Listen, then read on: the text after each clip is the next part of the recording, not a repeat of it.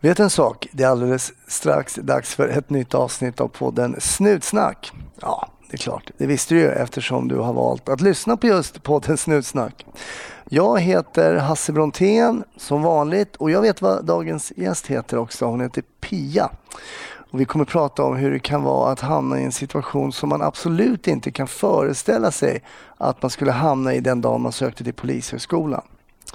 Men eftersom polisyrket har många olika yrkesstigar att välja på så händer det att man ibland väljer just en stig som leder till den där händelsen som man egentligen inte ville vara mitt i. Om du tycker att, ehm, eller om du tycker som jag skulle jag säga, när du har lyssnat klart att Pias historia var både intressant och spännande, dela då gärna avsnittet på till exempel Facebook eller skicka poddlänken till en kompis som en liten överraskning. Något sånt. Nej, nu tycker jag att vi drar igång det här avsnittet som handlar om att jobba någon annanstans än just i Sverige. Och du kanske inte är i Sverige när du lyssnar. Lägg gärna upp en bild på Insta och visa var du är någonstans. Utomlands eller inte. Var försiktig där ute allihopa och ha en riktigt trevlig lyssning. 1310 kom. 1310 Odengatan kom. Ja, det är uppfattat. Vi tar det. Slut. Bra. Klart slut. Eh, Jag säger hjärtligt välkommen till Snutsnack Pia. Tack så mycket. Vi sitter, vi kanske ska varna ni lyssnare som är känsliga för lite bio. Vi sitter eh, på vid Livgardet i Stockholm, utanför där precis. Eh, på någonting som heter Soldathemmet. Soldathemmet. Ja. Så jag spelar om lite biljard i bakgrunden och kanske går förbi. Men eh, eh, så går det när man ska hugga dig Pia. För vad gör du här? Eh, Jag är här just nu som instruktör i något som vi kallar för IPOC. Och det är ju då poliser som ska åka på utlandstjänst. Ja. Och då behöver man ju vara här innan och lära sig lite grann hur det går till ute i missionen. Det är ju inte riktigt på samma sätt som det är hemma i Sverige. Nej. Så då är det många saker man måste gå igenom och framförallt hur FN fungerar, den organisationen, EU. Och eh, samtidigt ska man ju förbereda med alla ämnen som bland annat Human Rights, Code of Conducts och så undrar vi alla vad det är nu då. Men jag förmodar att alla känner till Human Rights. Men Code of Conducts, det är ju hur vi ska uppföra oss. Just det. Och det borde vi ju tänka på här hemma också kan jag känna ibland. Precis. Eh, Men, det pratar man väl ändå ganska mycket om hur man Ja. ska uppföra sig? Det är ju det.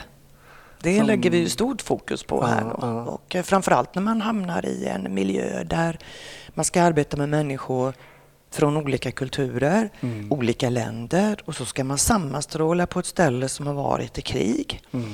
Och så ska man prata engelska, bara engelska och ingen är ju native speaking.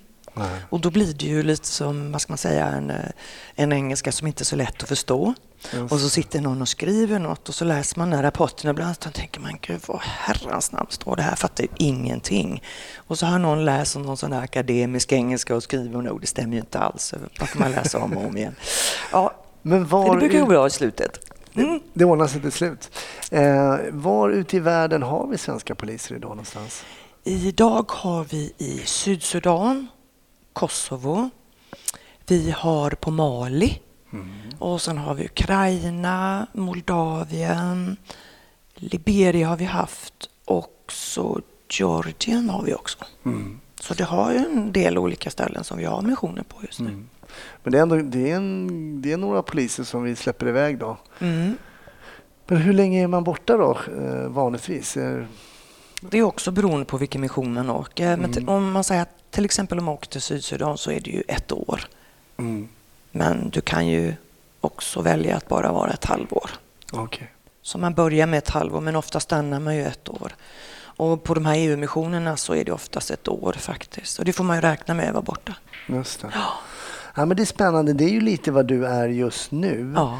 Men jag tänkte vi skulle backa bandet lite Ska vi grann. backa bandet? Ja, det gör vi. Det. För någon Ja. dag så kom du på eh, idén att du kanske skulle vilja jobba som polis. Ja, en dag kom jag på det. Ja. Aha. Det gjorde jag faktiskt när jag var fyra år. Är det sant? Jajamän. Var du så liten? Jajamän. Så liten. så liten. Så ung ska jag säga. Ja. Du kanske var en stor fyraåring. Nej, det var jag nog inte. Nej, men när jag var fyra år så fick jag en polisbil av min pappa. Jaha, Eh, Det var ju svartvit då. just det. Ja, och då fick jag den. Eh, Och så vet jag att jag bestämde mig redan då. Så det var liksom ett mål från början. Så utbildade jag mig till fritidsledare och så jobbade jag med det ett tag och sen var det bara polisskolan. Var är du uppvuxen någonstans? Då? I Kalmar. Så jag kan prata kalmaritiska mellan varven. Vad gjorde dina föräldrar då? Eh, Min pappa hade en firma, Ja. mm, lastbilsfirma, så jag satt i bilen och åkte runt med honom. Så jag blev bilsjuk. Jag älskar att åka bil och det gör jag ju fortfarande. Därför jag fortfarande jobbar ute på fältet så jag ska få köra bil. Du gillar att köra bil? Ja, jag älskar att Ja, köra bil. häftigt. Vad tyckte dina föräldrar om att du eh, valde liksom polisyrket? Hade de några synpunkter på Nej, det? de älskade det. Herregud, sa de. Bara gå. Morsan då? Morsan, hon sa samma sak. Bara kör. Vad gjorde din mamma då? Var hon hemma? Hon var hemmafru. Ja. Men hon tyckte det var helt okej. Ja. Och då gick du på skolan i Stockholm? Ja, Sörentorp. Ja. På den gick. tiden. Ja. Och när, vi, när jag gick där faktiskt, på tal om svartvit bil, så var ju den svartvit den jag fick av min pappa. Ja. Och när jag gick på Polishögskolan och när vi började köra där, då var ju bilarna svartvita. Så jag har faktiskt åkt svartvit polisbil. Det är lite kult faktiskt. Ja, det är det verkligen. Ja, Men då måste det ha varit typ någonstans kanske i början på 80-talet? Ja. eller? ja. var det. För jag gick i 88, då var de vita med någon sån där bandyklubba Ja, men det var den där eh, bandyklubban på, ja. De Ja. kom ju efter det. Men ja, Ja, ja, de var ju inte snygga. nej det var de inte. De är snygga här nu. Ja, men det är väl klassiskt så. Ja. Alltså en färg vit och sen en annan färg och sen bara polis. Ja. Liksom, för att man tydligt ska se vad det är för Mm. någonting.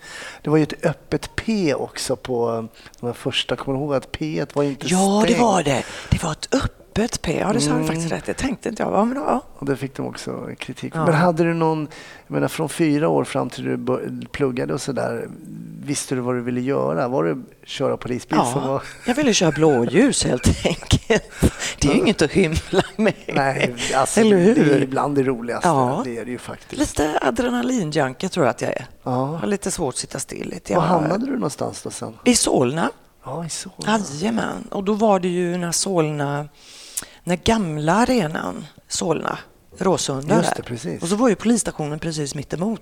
Där började jag min karriär. Hur var det? Fantastiskt roligt. Var det bra? Ja, det var jättebra. Underbara kollegor.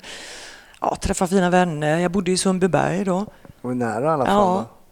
Och sen så första gången faktiskt som jag jag, tänk, jag har tänkt på det många gånger som jag kan knyta an till det som jag har börjat jobba med nu eller det som jag egentligen brinner mest för. Det är eh, det blev en fotbollsmatch där mellan AIK och Hammarby och på gamla Råsunda fotbollsstadion så var det något som man kallar på ryttargång. Jag vet inte om du kommer ihåg det, men under läktarna, under läktarna så var det som gångar som man kunde röra sig emellan. Okej. Och där blev det ofta slagsmål mellan de här grupperna. Och nu blev det ju slagsmål mellan de här eh, fotbollssupportrarna AIK och Hammarby. Och jag och två kollegor till skulle gå ner och se om vi kunde göra något och hamnade i det jätteunderläget. Oj. Alltså det var ju, Var du ny polis då eller? jag var ju helt nybakad. Ja, man hade ju ingen aning om man skulle göra och var ju helt ställd och de trängde in oss mot den här ryttargången, mot en betongvägg som var där. Oj. Och så eh, skulle vi ropa på hjälp och den gången så funkar inte radion naturligtvis. Och det var en sån här gammal bladradio med en bladantenn vik så det var ju bara, det var ju ingenting. Nej. Jag vet vi försökte ropa på hjälp där i alla fall och inget hände och de, det var en som hämtade en stor påk och skulle slås och precis så ser jag i ögonvrån från höger sida hur en hundförare med sin hund ser detta och släpper hunden och den, det skulle man ju aldrig göra idag, men den sprang wow, började bara hugga omkring sig. Men vi blev i alla fall räddade. Vilken start på karriären. Ja, och efter det så har jag ju så har det blivit så att jag har jobbat med eh, crowd control och nu heter det ju. Just det. Där jag utbildade mig till handledare och så har jag jobbat med det hela tiden. Så för att övervinna den här chocken så var det bara att kasta sig in i det och tänka nej men gud, det här måste jag ju gå vidare med, så här kan det ju inte vara. Men hur reagerade du då som eh, nybakad polis liksom, när du kom hem och hade varit i det här underläget? Så jag tänkte så här, mm, det här var sådär. Ja, Alltså, men då eller? var det ju de här ljuden. Du vet de här höga ljuden när det är väldigt mycket folk runt omkring som Ja. trycker på en. Och då var ju både jag och han var ju lite stressade av det där. Men det var ju ingen som tog hand om oss då. Nej. Eh, Nej. det var ju faktiskt inte det. Så det fick man ju jobba lite med själv där. Mm. Så kunde, fick man ju bara bestämma sig. Nej men gud, det här, jag vill, jag älskar ju att vara polis. Och då liksom var det bara att fortsätta på något sätt och sen jobba med, med det hela tiden. Men då var du klassisk ordningspolis Ja. i början? det är jag nu med. Ja, du, det har du varit i alla år Ja. egentligen. Jag vet att du har varit lite utomlands också på så, här, så kallade missioner Ja. också. Men Solna och vanlig ordningspolis och hur länge liksom åkte du runt i... Till åt, slutet på 86. Okej. Och sen flyttade jag till Göteborg. Mm. Var det, vad var det för beslut? Det är väl ingen som vill från Stockholm? Ingen som vill flytta till Göteborg. Men å andra sidan så trodde alla att jag var från Göteborg fastän jag pratade kalmaritiska. Så sa ju du från Göteborg eller? Nej, det var jag ju inte då. Nej, men det blev så att jag flyttade till Göteborg bara. Ja. Så var det. Och där är jag kvar nu. Ja. Och eh, hur, skulle du kunna säga att du märkte några skillnader att jobba som polis i Stockholm eller Solna då, då men, eh, och Göteborg? Var det någonting du märkte spontant sådär? Inte på den tiden. Inte på 80-talet. Nej. Det var det faktiskt inte. Alltså det, det som var i, i... Jo, det som var lite skillnad var ju faktiskt att fotbollsvalet var ju värre i Stockholm än vad det var i Göteborg då. Sen eskalerade det ju på båda, i båda de här storstäderna har det gjort. Men det var väl den enda skillnaden. Mm. Eh, jo, kanske en skillnad också nu när du ändå frågar så är det nog mer goa gubbar som är på fyllan i Göteborg i Stockholm. Om man uttrycker det på det sättet. Okej. Ja. Och ren ordningspolistjänst där också? Ja, hela tiden. Hela min karriär. Trivs att hoppa ner i uniformen? Ja, Vad är det som gör att du trivs i det? vet inte. Jag bara älskar det. jag tror jag har blivit en... Alltså jag ville ju det från början och så blev jag... och Jag är så här, vad jobbar du med? Jag så bara jobba, jag är polis. Jag tror att jag, jag har pratat med mina eh, gamla väninnor som har känt mig sen jag var liten och hela uppväxten. Säger, men du har alltid varit polis. Har det varit något bråk så har du alltid ingripit. Och har vi gjort något fel så har du bara tagit tag i oss i nacken och styrt undan och sagt så här gör man inte. Har varit moralens väktare överallt. Eh, så det kanske har varit med mig hela tiden. Jag är Ja. nog likadan nu. Jag ingriper på fritiden fortfarande. Ibland undrar man, det går ju inte idag, men jag gör ju det ibland ändå. Ja, du gör det? Ja. Men när du ingriper på fritiden, hur mycket, hur många varv extra tänker du då? Jag menar, det tänker du, kollar du då liksom? Du, Nu gör jag det. Det gjorde jag inte förr. För förr var jag lite så här, eh, vet inte, jag bara kastade mig in i situationer utan att tänka. Men jag hade inget konsekvenstänk faktiskt. Nej. Riktigt. Och, det var väl lite, och ibland tog jag med mig mina barn också på, på, på raider efter folk. Och var det något som hade hänt så, jag minns min dotter som numera är polis. Hon och jag var ute och gick en gång på Linnégatan i Göteborg och då såg vi ett gäng unga killar. Och så var det en ung kille som var helt utslagen. Eh, och då kunde inte jag låta bli, jag var tvungen att gå fram och titta och fråga hur det var med honom. Mm. Och då säger jag, ja, det är lugnt, det är lugnt, det är lugnt. Och jag kände att det här är ju inte lugnt, någonting har ju hänt. Ehm, och då sa jag till min dotter, du kan väl prata med dem. Jag tänker, varför involverar jag henne i detta? Hon var bara 15 år eller något sånt där. Ja, du, ja, och då visade det sig att den här killen hade tagit en överdos i alla fall. Ja. Och eh, då sa jag, du måste ju ringa efter ambulans och polis. Och de bara, nej, nej, ring inte efter polisen.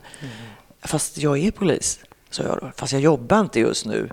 Eh, vi måste ju hjälpa honom. Och så här fick jag min dotter att gå in på ett McDonalds bredvid och ta med sig en av de här killarna. Jag känner idag, varför gjorde jag detta med henne då liksom? Men hon, hon jobbar ändå som polis Hon, idag. Så. Idag gör hon det. Hon gick ju med de där lite halvkriminella killarna, hämtade lite vatten på McDonalds och så pyssade vi om den här. Och så sa jag, fast nu måste jag ringa efter ambulans. Är det okej om jag gör det? Och då fick jag ringa efter ambulans. Och så sa jag, jag kommer ringa polisen också. Så får de åka. Han är ju ändå efterlyst. För det var det han var, kom det ju fram sen, sa de ju. Så var det därför de inte ville säga något. Men vi löste det tillsammans. Det var ganska, ja, min dotter brukar alltid säga, tänk att du tvingade mig att gå in med någon som jag inte ens kände. Som...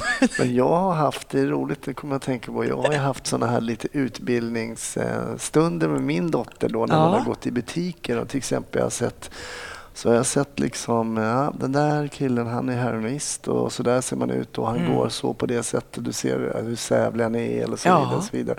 Nu kommer han säkert stjäla någonting. Ja, mycket riktigt. Och mycket gick jag stal någonting. Ja. Fick jag hämta personalen och, gripa honom där inne. Så hon har också varit med om Ja, ser- grejer. Men eh, ja, just på min Konsum där, det blev att jag grep några stycken där tillsammans med personalen oftast då, att man hämtade någon och så. Ja, ja, just det. Vet, jag stod en gång, det här är ju verkligen en passus, jag stod en gång i kön eh, på, det här var Coop då, och bredvid mig så var det en kassa som var stängd. Så kom det en kille med sin eh, ryggsäck och så var det den där liksom plastgrejen där de har alla cigaretter öppen. Så han bara vräkte ner liksom cigaretter och folk står bara i den där Och kön. gjorde ingenting. Gör ingenting. Ja, men det är också... Så att, eh, nej men då var man ju tvungen att hoppa ur, även om jag förlorade min plats i kön då såklart. De var tvungna att ingripa. Ja, då, Mhm. ja, precis. Då fick man ingripa. Då. Så det, det, och då var Olivia också med. Så det är kul. Hon kommer ihåg, hon var nog inte så gammal, 6-7 år och sådär, men hon, det var väl spännande för henne på den tiden det när var. farsan hoppade ut. Och, Men hon blev inte polis. Nej, Men det är ju inte för sent. nej, men eller hon, hur? hon kommer nog aldrig bli Nej. det tror jag. men, eh, ja, men, Ja. nej, det är väl skönt att man får välja själv kanske. Absolut. Absolut. Men jag tänker på um, hur, hur mycket pratar ni liksom om yrket? Ringer hon så till morsan och frågar eh, om saker och ting eller är det liksom Håller hon det för sig själv? Alltså det, det har varit, varit en process på något sätt. Eh, när hon blev polis, eller när hon utbildade sig till polis, och så frågade alla om henne. Om jag var hennes mamma. Ja, Jättemycket så här, och då hon var jättetrött på det. ja. Och så började hon att jobba i Örebro precis när hon var färdig med sin, med, med, med sin utbildning. För jag tyckte, gud vad skönt och komma nu där ingen känner mig och vi slipper diskutera lite poliscase och så. Och så sitter hon första dagen där och så eh, på någon massor av folk som sitter runt och man ska välkomna nya och så sitter det en tjej jämte henne i alla fall. Och den här tjejen säger ursäkta men eh, Pisa, är det din mamma? Hon bara, nej jag är Örebro liksom. Ja, och sen så kommer ju chefen fram och ställer sig där och så säger jag välkomna allesammans och välkomna då till Matilda som min dotter heter. Välkomna till... Men vänta lite du. Pia, det är din mamma, eller hur? För henne har jag varit i Afghanistan med. Hon bara, nej, man får aldrig vara ifred från det här. Så det har blivit lite på en grej. Att, eh, ja. Och nu när jag har varit på utlandstjänst och kommer tillbaka, då är det ju tvärtom. Då frågar jag så här, Matilda, är det din dotter? Alltså det har blivit Ah, tvärtom. Så nu har hon tvärtom. etablerat sig. Och nu är jag tillbaka. Så nu diskuterar vi lite ibland. Hon ringer mig, fastän vet du hur man gör där? Eller hur tänker du så? Nu är vi där. Det där. Då jobbade du då eh, som ordningspolis i Göteborg. Och ehm, vad hände sen då i din karriär? Eh, Jag jobbar ju fortfarande som ordningspolis. Ja, det är din grundtjänst kan man Ja, säga. jag det jobbar är ju det. fortfarande som ordningspolis i Göteborg. Men har du aldrig sökt några andra tjänster? och Så här? ja, det är underbart. Ja. Ja, Nej. För, för det, är så, men jag, jag uppfattar alltid som att många poliser så här, men man måste jobba som ordningspolis och sen ska jag försöka hitta någon annan Mm. cool tjänst. Eh, Jag ska bli livvakt eller någon form av eh, nationell insatsstyrka eller pilot. Mm. Eller, du har inte känt, känt du har trivts då där du har varit Ja. där nere i myllan kan Ja. man säga. Hela tiden. Men det, jag såg på Twitter idag, jag är väl en av få som hänger där, men då är det ju lite poliser som hänger där också. Då tänkte jag på det, då var det en polis som skrev så här att idag hittade vi en man som, vi hittade en avliden man i, i hans lägenhet. Och eh, som det verkar så har han legat där i cirka tre år. Och det är ju, då, jag tänkte på det här, det är, dels så är det ju polisyrket är så mycket mer än vad folk tror. Ja. Och just de här skuggsidorna av eh, samhället som man ser så ofta. Jag menar, det är så otroligt många lager av tragik. Mm. Att en person Mm. kan ligga i tre och Mm. ingen... Mm. Du vet, man har allt på autogiro och det bara Ja. rullar på tills typ Ja. när pengarna tar slut. Då är det någon som knackar. Då är det fogden som kommer. Ja. Hur har du reagerat på, för man, som polis får man ju verkligen se de här sakerna. Så alltså, man, dels kanske man upp, en liknande situation som det här, att det inte finns någon som bryr sig om människor, men också tragik i familjer och i hem. Och så. Hur har du reagerat på alla, alla sådana här lite mörkare händelser? Jag, jag, tror att alltså jag blir jätteengagerad när jag är på olika platser och på olika jobb som man är på, dödsfall och vissa saker tar man ju med sig hem, så är det ju. Mm. Det, det gör ju det. Men det som ändå har varit räddningen tycker jag, det, att vara polis i uniform, mm. det är ju att man när dagen är slut eller passet är slut så låser man in sitt vapen, sin radio, hänger av sig sin uniform och så går man liksom hem och så går man hem i hemmets lugna ro och så ser man sina barn där på något sätt. Och det, har ju, det tror jag har varit en, en styrka för mig i alla fall, att jag har kunnat göra det. Men sen har ju alla de här, och sen tror jag att jag alltid jag tänkt igenom allt jag har gått igenom. Liksom. Jag har tänkt liksom strukturerat igenom det. Mm. Och sen vissa saker så gör ju jätteont i själen, det gör ju det. Mm. Men så tänker man att det lilla man gör för någon är ju ändå det lilla. Det kanske bara är man, man kanske på ett lägenhetsbråk och så bara ser man någon liten eh, litet barn där som man tar hand om och kramar så blir man ju jätteglad. Jag kommer ihåg en gång när vi, fot, vi hade fotpatrullerat på Nordstan där, på Nordstadstorget, mm. Eh, på julskyltningar. Det ser ju hur mycket folk som helst som springer runt där. Och sen ser jag en, en, en familj, de var säkert från, ja vad kan det vara, något, något land i Afrika i alla fall. Och så och så tittade det lilla barnet på mig, hon kanske varit fyra år, en liten flicka, så såg hon så här livrädd ut och så gjorde jag så här. Och då bara kom hon springande och kastade sig i famnen och folk runt Det var ju sån här glädje, det kände jag. Julefrid! Nej men det kändes så, det kändes så roligt. Ja. Bara för att jag räckte ut mina armar så kom hon och sprang mot mig. Jag lyfte upp henne och så snurrade jag runt lite som henne. Ja, det var ju coolt. Det var gulligt. Ja, men verkligen. Ja, men hon som gjorde och tänkte att hon vågade. Hur många år sedan är det här? Detta kanske är...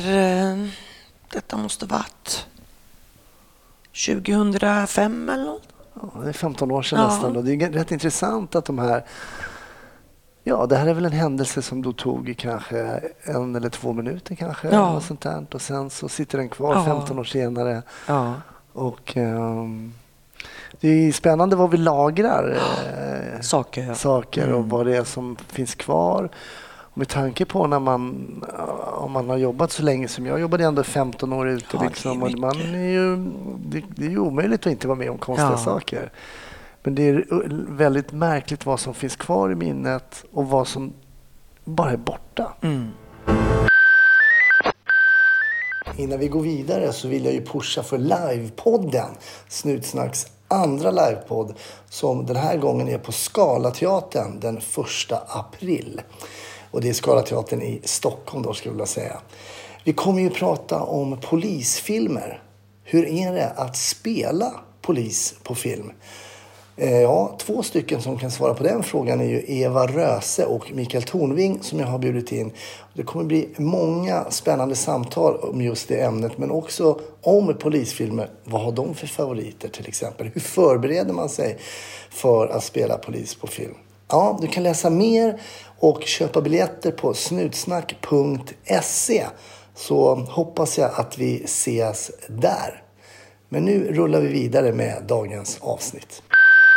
Varje avsnitt av den här podden så får vi höra en ja. sån händelse som på något sätt har stuckit ut för den här personen. Och det, men det har ju ändå påverkat en. Ja, men det tror Absolut jag att det gör. att det har gjort. Ja, men... Både på gott och ont, men jag har för det mesta på gott tror jag i alla fall. Hur tror du att det kan ha påverkat liksom på ont då? Mm, man blir lite cynisk. Mm. Faktiskt, det måste jag säga. Det blir man ju. Man blir ju mm. lätt, ah, men gud, eh, alla är kriminella, de är si och så. Mm. Och man mm. kanske är, innan man tänker efter. Det är därför jag tycker det är viktigt att reflektera. Men så kan man ju inte säga. Nej. Nu gäller det väl verkligen att tänka efter. Det är ju en person det här. Mm. Att man inte placerar människor fack. Väldigt lätt att göra som polis också. Ja, precis. Väldigt lätt att göra. Verkligen lätt. Alltså. Och sitter man tillsammans med människor som säger samma saker just då så är det lätt att hamna i en ond cirkel om man inte tar sig samman och tar ett steg utanför och tittar, nej men vänta lite nu, mm. time out. Mm. Så kan vi inte hålla på. Nej, men precis. Det var ju en sån kultur, när jag började som polis så var det ju ganska mycket manskultur om man säger. Det var inte så många tjejer. Och när du, man kom då och skulle jobba och då fick man ju inte åka med vissa killar för de var ju macho. De skulle inte åka med tjejer för de kunde inte klara av någonting. Och sen Nej, så kunde man ibland placera två tjejer ihop. Och så, men då kan ju ni åka upp, så kan ni prata lite om smink och, och grejer. Man bara, vänta lite nu. Var det så? Ja, ja, ja, det är, det är helt sjukt. Och så när man har varit fotpatrullerat så fick man inte gå in i vakthavandes rum. Då fick man stå där och, ja, klockan är 23 och 05, nu får vi gå hem nu, ja. Helt sjukt. Ja. Men så var det ju. Alltså var det även när jag, vi var ju, rädd, Ja. vi var ju så rädda för vissa vakthavande Ja, befäl. Någon som hade lutat sig mot hans skrivbord och fått ett batongslag. det finns ju en massa sådana grejer, eller hur? Nej, jag var med, det, var, det var min kollega, han som faktiskt var första gästen i Snutsnack. Han satt i receptionen en gång och då kom det in några så bolivianer du vet, som stod nere på plattan och spelade El Condor Ja, Pasa på ja, sina flöjter. Då. Då skulle de anmäla att någon hade gjort någonting mot dem. Och då fick inte mm, han ta upp anmälan eftersom han var polisaspirant och det var ett befäl som skulle Ja, upp- just det. Det var den där en chain polis. of command och Ja. någon sån där, sitta längst bak i bussen. Och då gick han in till det här omtalade befälet på Norrmalmspolisen där i slutet på 90 eh, 80-talet. Mm. Och så sa han de vill anmäla några poliser. Då gick han bara ut och skällde ut dem där och kastade ut dem. Ja. Ska inte komma här och anmäla mina poliser. Bara slängde ut dem från polisstationen. Ja, Tänk om det hade hänt. Tänk om det hade hänt idag. Ja. Nej, det går ju inte. Nej. Där är det väl bra. Ja, Att så det verkligen har skett en förändring än det har. Ja, det verkligen. tycker jag. Mm. Och det har ju varit en lång, lång, lång, lång, Mm. lång resa. Och det, det alltså jag, jag har ju varit befäl också, yttre befäl och det var också en lång resa. det var så. Ja, ja, ja. Hur var det då att vara liksom yttre befäl och tjej? Och kände du också att det var... Ja, det var jättesvårt. Det var det? Ja, det var det. Innan man liksom eh, blev accepterad. Eh, I vissa grupper var det ju så, men inte alla grupper. Jag tyckte nog det var rätt svårt faktiskt ibland. Tror du bättre idag? Ja, jag tror det är lite bättre. Jag tror den yngre generationen överhuvudtaget, om man nu får säga så, men de är så vana att jobba ihop. Mer vana än vad kanske vi var, eller jag var när man började jobba. Att eh, det var så upp till att hela samhället, män och kvinnor. Jag, jag tror det var lite, det känns som att det, jag, min ena dotter har ju en kille som är polis också. Det är inte alls samma tänk. Nej. Det finns för vissa kulturer som är, men jag tycker nog att det är rätt bra. Ja. Faktiskt. Nej, jag vet, vi hade en gäst, Micke, som berättade att han vägrade att jobba med tjejer. Ja. Eh, och då sa jag, sa du det till dem? Nej, nej, nej, det sa jag till typ vakthavande och så här. Så han vågade inte, så det var ju ingen tuffing så. Alltså. Men det medger han ju också Ja. sen han- att det, han var inte så tuff. Nej. Att han var mest osäker, Ja. berättar han idag då. Så, ehm, Så kan det nog vara. mm, Att man inte riktigt... Men ja, ja, nej, jag, jag tycker att det är skillnad idag. mm. Det tycker jag. Men när du beskriver det här, det är ju så att man skrattar åt det. Ja, men ni kan väl åka så här, prata om lite smink och sådana där grejer. Men hur, hur eh, resonerade ni kring det då? Så, Jaha, nu är det så här, det är lite knäppt, men vi är ju också... Eller hur? hur? Jo, men så resonerade vi. Vi sa ju det till, jag vet, vi sa det till killarna, men jag, jag, jag tror bara att det var nog bara så. Det var bara att gilla läget. Ja. Det är ju ett hemskt ord som vi har använt inom polisen många gånger, men gilla läget. Jag tror att det var så liksom. Men gilla läget. Det, det var bara så. Ja, men då får vi väl göra det och göra vårt bästa av situationen. Ja, och göra så gott vi kunde liksom. Men om ni det- behövde hjälp och sådär? Och... Ja, men du, de, de var ju ändå ganska schyssta kollegorna tycker jag, om man behövde hjälp. Det var de ju. Det, det var de ju faktiskt. Men Anna som var gäst, hon berättade hon fick ju så här dickpics och grejer och blev liksom Ja. lite så...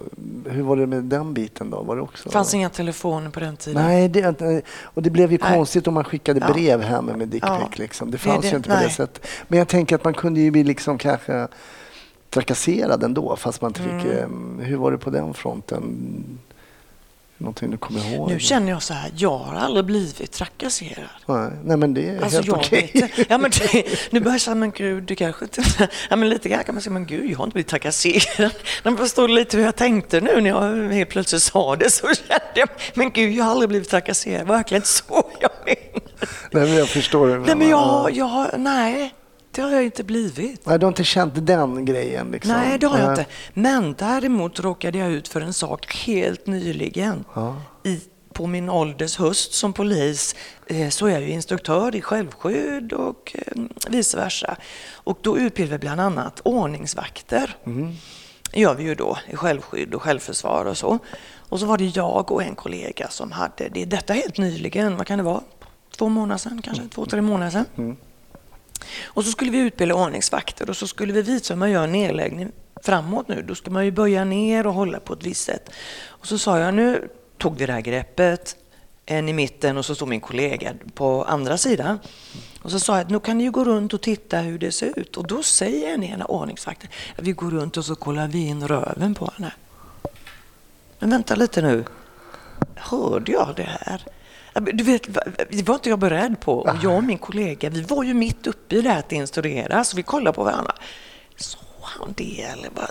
Ja, och du vet, vi fann oss inte. Och så bara fortsatte vi. Och sen tog vi upp det efteråt och sa, men gud, det här är ju inte okej alltså. Nej. Men så tog vi upp det med deras eh, chef där. Men det var väl någon form av trakasseri. Ja, eller, men jag, jag blev förvånad. Fan, för det var det tog ganska... många år för dig då.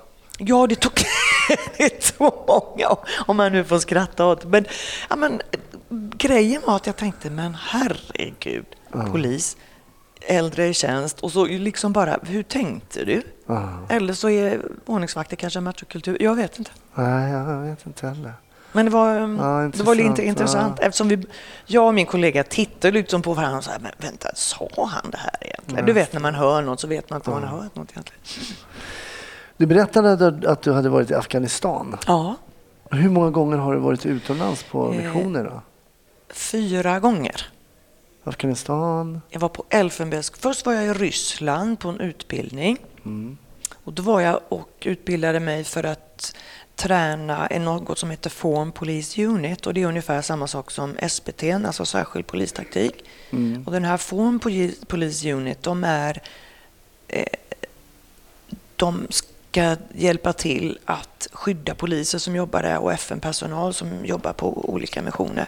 Så då åkte jag till Ryssland och jag var där i tio veckor faktiskt och utbildade mig som instruktör. Och då eh, var vi på KGBs gamla träningscenter. Ja, och då var det ju massa saker man skulle träna och göra och jag var enda kvinnan där. Jag tror det var från 38 länder och varje Oj. dag, eller en gång i veckan, så åkte ju ett par stycken hem som inte klarade det. Ja. Och då, var, och då var det så här att man skulle ta sig över vissa hinder. Och de här hindren var gjorda för ryssar med händer som dasslock och ja, du kan ju tänka dig själv. Alltså fysiska hinder? Ja, Alltså. Aha. och då skulle man bland annat göra den här, eh, vad heter det, armgång heter det va? Ja. Armgång. Och när jag kom upp där så insåg jag att jag har ju inte en chans att komma till den genom armarna. Så jag klättrade upp. Ja, alltså jag klättrade upp, svängde upp benen, hamnade uppe på den och så kröp jag över istället och så hoppade jag ner på andra sidan. Och de som var instruktörer, eh, ja men hon kom i alla fall över. Så blev det. Och sen så skulle vi eh, ta oss över eh, ett vattendrag och då var det såna här långa stockar som låg över. Så skulle man ta sig över på dem och de var ju hala som bara den som man gled över. Men då skulle man hasa sig över. Jag vet inte, du har gjort lumpen eller? Ja. men du, man ska ju hasa på ett visst sätt. Insåg att den stocken var ju så stor, sen kunde inte jag hasa över. Så då svängde jag runt och så gick jag som en apa åt andra hållet. Så då kom jag ju över också. Och hur de här liksom machokillarna bara, vänta lite.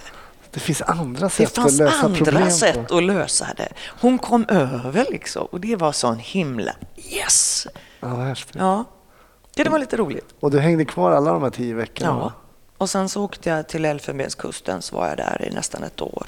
Så åkte hem och där hände det lite saker. Och sen var jag på väg ner till Elfenbenskusten igen, men då när jag kom dit andra gången, då blev det ju krig där. Eller det blev inbördeskrig och då evakuerade Sverige mig därifrån.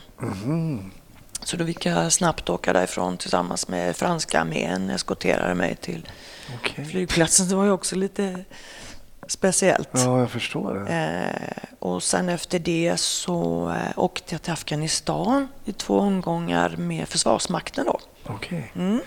Men hur kommer det sig då? Åker du som, eh, åker du som polis med Försvarsmakten? Ja, fast då var man tvungen att ha en soldatutbildning. Så då fick man göra en soldatutbildning, alltså en Okej. grundläggande soldatutbildning. Och sen så åkte jag dit och så var jag polisadvisor i försvaret. Okej. Mm, Hur var det då, Afghanistan? afghanska polisen. Hur var det då? Jag menar, jag, man tänker ju alltså klockrent Afghan, Afghanistan är väl det minst kvinnovänliga Mm. stället i världen nästan. Det var det också. Ja, det var det. Ja, det var det. Men eh, Hur jag, kände du av det? Ja, alltså själva samhället var ju inte vänligt mot kvinnor. Nej. Men en gans, man åkte i de här... Eh, vi var ju soldater, vi var ju beväpnade. Alltså Mm. var ju försvar. Nu pratar jag småländska, jag inte höra det. Vi var ju beväpnade. Nej, men då då eh, åkte man ju konvojer till de olika polisstationerna som man skulle advisa. Och så kom man och klev av och så fick man hoppa av och så stod man och vaktade tills alla var på plats. Och jag kommer ihåg ett häftigt ögonblick faktiskt. Jag står med mitt vapen, eller med båda vapnet och väntar på att alla ska bli klara så att vi kan gå in tillsammans. Så kommer en kvinna i burka och går emot mig. Det var så hon är heltäckt? då? Heltäckt, burka är precis heltäckt med bara ett sånt nät. För det är ju alla kvinnor har ju det i Afghanistan. Då kommer hon och går emot mig där jag står. Och så står hon så här nära som du och jag är då, vad kan vi vara, någon halv meter eller något ifrån varandra. Ja. Och så möts våra blickar igenom det där. Min, hela min utrustning som soldat och så genom hennes burka. Och så tittar vi på varandra och så nickar vi och så passerar vi. Alltså det är så häftigt. Vad tror du hon tänkte? Ja, jag, jag, vi kvinnor möts här, vi är lika. Det kändes respekt. Fast ni var ändå helt Ja, olika. helt, från helt olika. Helt Respekt. parallella världar Ja. liksom. Hon får inte ens visa sig. Visa någon hud eller något. Nej, nej, nej. nej. Har de handskar och grejer också? Nej, det har, burken är ju hel så de är ju gömda under den så de kan ju ta fram armarna. Så, så Ah, Man okej. kan se fötterna. De sa i killar man kan titta på fötterna om de har, hur gamla de är. Om de har snygga fötter förstår vi att de är unga. Hemskt egentligen. Ja, det där Ja. är jättekonstigt för oss. Och sen så fick jag ju utbilda afghanska kvinnliga poliser i body search och eh, självförsvar. Och det var en intressant utbildning. För då var man på ett speciellt ställe och då har ju de de här eh, huvudbonaderna på sig Ja. Och så uniformerna. Och så hade de barnen med sig, de små barnen med sig också. Så jag fick leka med barnen samtidigt som vi höll på att utbilda. Men sen efter en vecka när man hade kört med dem så var det så häftigt så då tog de av sig de här huvuddukarna. Och så släppte de ut sitt hår och så hade de jättefina uppsatt hår och ringar och jag fick så mycket ringar och grejer här. om. Alltså, jag kan nästan bara gråta nu när jag tänker på så. Aha. Åh, vilken gemenskap i två olika världar. Ja, vad häftigt. Ja, det var jättehäftigt. Jag förstår det. Ja, verkligen alltså. Sådana minnen. Vad coolt. Ja, jag förstår det. Ja. Men då är det, det finns en mission kvar då? Har det varit, Ja. Och sen eh, kom jag hem och sen så åkte jag till Sydsudan eh, december 2015. du, mm. Och då åkte jag dit på FN-mission. Precis på det som jag är instruktör nu i för sådana som ska åka vidare. Just det. Och då åkte jag till Sydsudan och när jag kom dit så blev jag faktiskt headhuntad som FBU igen då. Att jobba med FBU som även var där nere då. Att Alltså eh, militären då? ja, få en police unit heter det då. Ah, det, är en, okej. som, ja, det är en blandning mellan militär och polis. Ah, okej. Och de var där och koordinerade dem. Eh, och då hamnade jag i Juba, huvudstaden där, och eh, på en kamp, en FN-kamp, en låst kamp. Och vid den här FN-kampen så finns det två flyktingläger med ganska många flyktingar, 40 000 kanske sammanlagt mm. inne i de här lägren. Och de här eh, lägren vaktas av de här FPU Okej. plus vanliga civila poliser som, eller civila vanliga poliser som är där på jobb. Så där hamnar jag. Och så börjar jag jobba med det i alla fall. Och, eh, juli 2016 så utbröt ju kriget där. Just det. Och då var jag hemma i min bungalow så att säga och då hörde man det här. Först trodde man ju, hade, vi hade väl fått lite förvarningar om det här i alla fall. Och sen helt plötsligt så hör man det bara börja skjuta. Man funderar, är det popcorn? Alltså du vet, liksom Mm. där, det var nonstop. Hela tiden. Och så hade vi såna här bärbara radioapparater med oss och jag kände bara nu, nu är det krig på riktigt. Alltså tog på mig hjälmen, västen, plockade ihop vattenflaskor och, och kröp in i badrummet och satt mig i hörnan där och så kände jag bara, alltså jag, antingen dör jag här eller vad händer? Liksom. Det var en sån absurd känsla. Då hade vi och då gick signalerna fram till Sverige, till utlandsstyrkan här. Och då ringde de på en telefon där som vi kunde kontakta. Och då sa jag, ja, det är krig här nu, om jag någonsin kommer hem härifrån. Och det vet jag att jag sa, för jag kände det att det var så. Alltså. Ja, det kändes så. Ja. Och då får jag ett samtal igen och då säger du Pia, du är ju till incident commander. Ta på dig västen och allting, militärfordon, pansar militärfordon kommer hämta dig nu. Och då fick jag hoppa in i den. Och sen åkte jag till eh, där kinesen, till kines, kinesisk armé som var inne också, som höll skydd också. Så var det jag, en kinesisk general, en från Uganda, en från Rwanda, Nepal, Bangladesh som skulle försöka koordinera det här, försöka rädda alla som rädda kundes. Eh, ja, det var en utmaning kan jag säga. Ensam kvinna. Och jag hade inte sagt något till mina barn och så plötsligt ser mina barn på TV hur jag är helt blek i ansiktet. Och då har man ju, kineserna gjort ett reportage där. De har ju filmat och kablat hem på något sätt. Och då står, ser man en bild när jag står och pekar. Och, så det är ju lite fräckt ändå Hur kom du hem då? i det här eländet. Ja, det här kriget pågick ju i fem dagar, sköt konstant, 12 timmar om dagen. Från att det ljusnade till att eh, solen gick ner så sköt de konstant på varandra. Och då var FN-kampen i mitten och här var ena styrkorna och där var andra styrkorna som sköt på varandra. Så det var ju mittemellan. Och man, alltså man, jag bar ju folk på min rygg och sprang i- över. Och jag vet inte, det var som en sån här vilda västern-film. Pju, pju, pju. Så bar man folk på sin rygg och man försökte hjälpa alla man bara kunde hjälpa där. Och sen började flyktingarna hoppa över in på kampen och tog sig in där och tog sig in på sjukhuset och allting. Det var ju bara att tänka försöka överleva så gott man kunde och Det hjälpa så många. Ja, fullständigt. Fullständigt Hur kaos. sov du? Liksom? Hur kan Nej, man... jag sov ingenting. Nej. Jag kanske jag säger att vi, vi låg ju på golvet, sådana här liggunderlag och i, där inne där vi skulle ha det här eh, incident commando-rummet och så eh, ingen mat riktigt. Så kanske på sju dygn kanske vi sov tre, fyra timmar per natt om vi hade tur eller en timme. Eller så satt man och sov på bordet och lutade huvudet. Ja. Man var ju tvungen att ut och hjälpa till. Och sen det som var efteråt, det är ju det man ser. Alltså vilket lidande alltså. Det var ju fruktansvärt var det. Ja. Alla skadade och... Ja.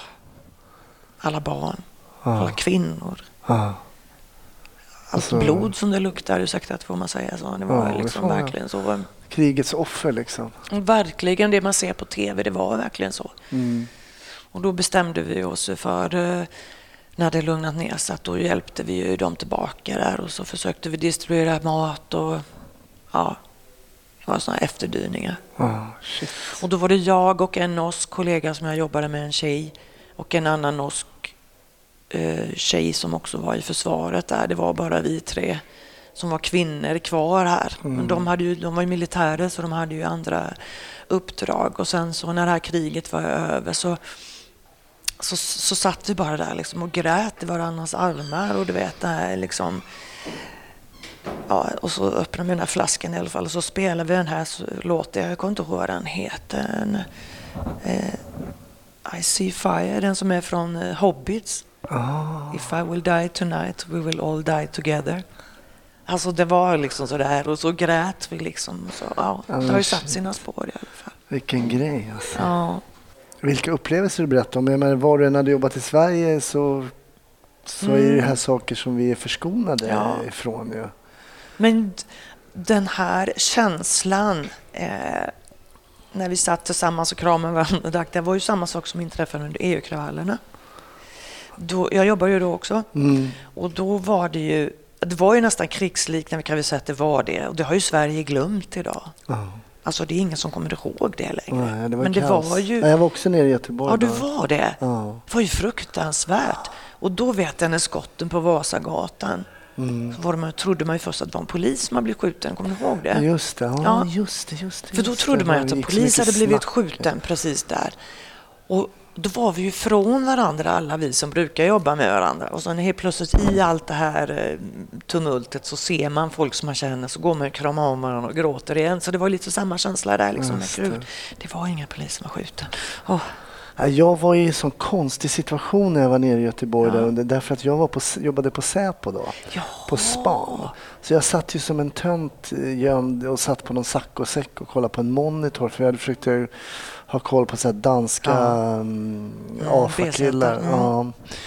Och uh, kände sig ganska så här kändes att man, det var onödigt att man satt där. Så kollade man på nyheterna och så såg man vad som hände. Alla, Mm. Och man ringde sina kompisar Ja. som var på ordningen och Ja. sa vad fan händer? Ska vi? Men vi fick ju inte, alltså vi var ju bundna till våra arbetsuppgifter då, men vi kände oss ganska lökiga faktiskt. Känner man, ni måste ju ha känt er superstressade. Ja, Att inte kunna vara där, och, och att inte inte kunna kunna hjälpa till något. eller Ja. någonting. Ja. Så det var ju lite, men det är klart vi hade ju en annan uppgift då som visade sig vara ganska bra också för det var ju en del folk som var identifierade genom var de bodde och sånt där. De visste ju inte att vi hade koll på var vissa danskar som bodde och sådana saker. Men ibland tror man inte, men ibland så kan man ju faktiskt komplettera varandra. Att det är några Ja. ligger, eh, civila och ligger på en saccosäck och eh, några får ta liksom... Några kanske- får ta smällen. Ja. Ja, alltså precis. Men ibland har det varit tvärtom. Att man själv har tagit smällen och några andra har gjort nå- någonting Mm. Ja. annat. Och sådär. Men eh, alltså alla dessa saker som du har varit med om och du har varit ordningspolis liksom ända Ja. från eh, dag ett. Vad, för jag frågade dig, har du med dig någon liten händelse som du kommer ihåg? Är det den här händelsen från eh, Sydsudan Mm. då? Mm, jag kan tänka mig, för det finns ju liksom, jag känner att det, det är svårt kanske att toppa en sån sanslös upplevelse. Ja. Att krypa ner i badrummet och sätta på sig hjälmen och stora västen och Ja. Hoppas att man överlever. Ja. Liksom. Ja, för, och det var ju det, hoppas att jag överlever, var ju verkligen det. Ja. Alltså det, det. Och det här, inne på kampen fanns det ett café. Mm. Och när det var liksom lugnt i skjutande så åkte jag och en kollega från Bosnien, han jobbar vid en insatsstyrka på Bosnien. Och så åkte vi dit och jag sa, ska vi hämta lite kaffe i alla fall så vi får lite, eh, ja, och så sitter ju de här stackarna där och gör sitt kaffe och så fick man, man tänker, men nu kan ju inte sitta här och då började de ju skjuta igen. Och där satt vi med två kaffekoppar liksom. Det går inte. Och så hade ju de panik, de stackarna som jobbar i det här kaféet. Så då tog ena stund, vi tog hans hjälm och min hjälm och någon annan hjälm och så hade jag en tjej på ryggen och så sprang vi från ena stället och skulle ner i en, en liksom inte en bunker men vi skulle försöka rädda dem och då hör man pju, pju över huvudet.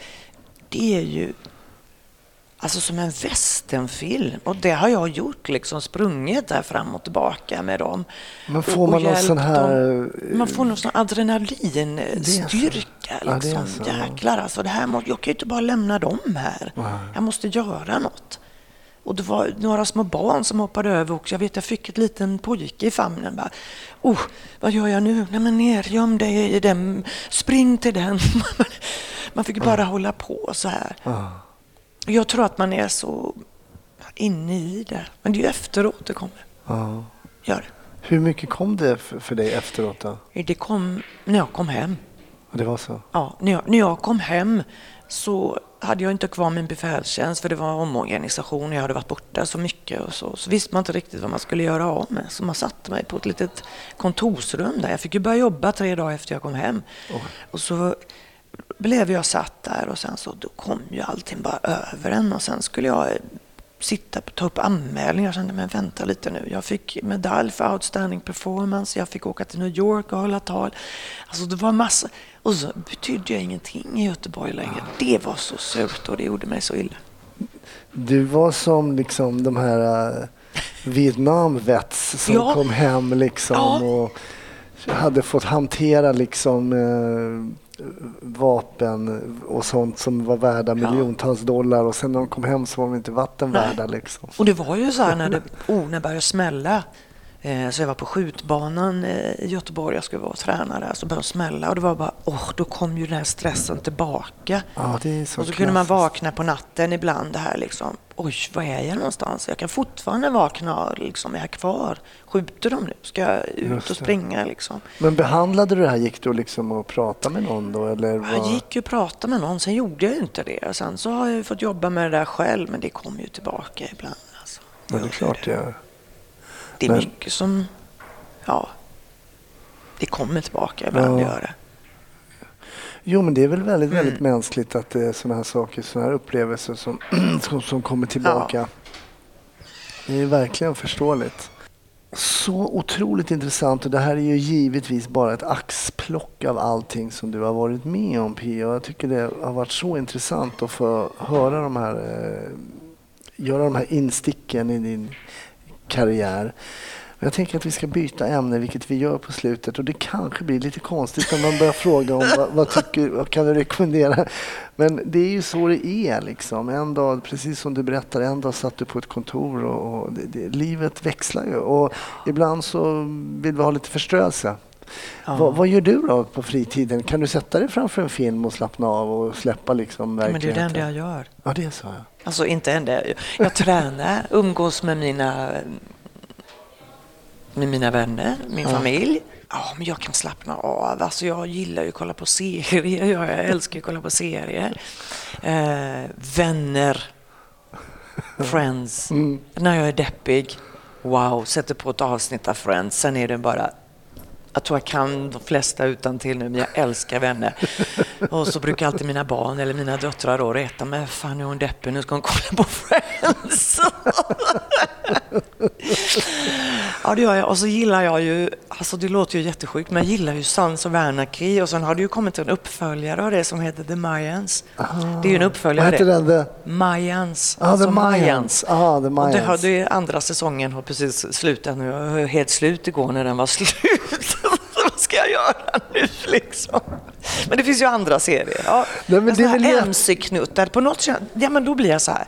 Antingen Är du outlaw? polis eller outlaws. Det var lite det jag skulle vara bra. Det var dit jag skulle.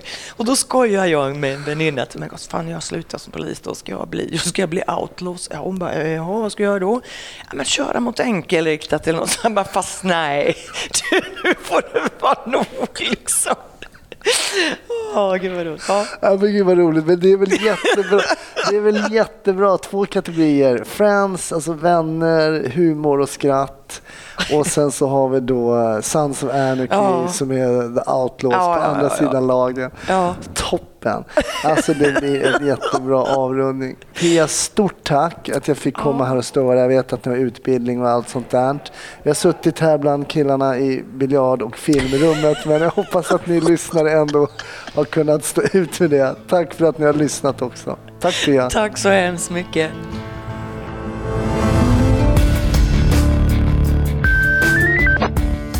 Ja, det där var Pias berättelse och dagens avsnitt är slut. Men det tar ju bara sju dagar så dimper det ner ett nytt avsnitt i dina öron. Så ha lite tålamod så hörs vi om en vecka och ha det toppen fram till dess. Hej då!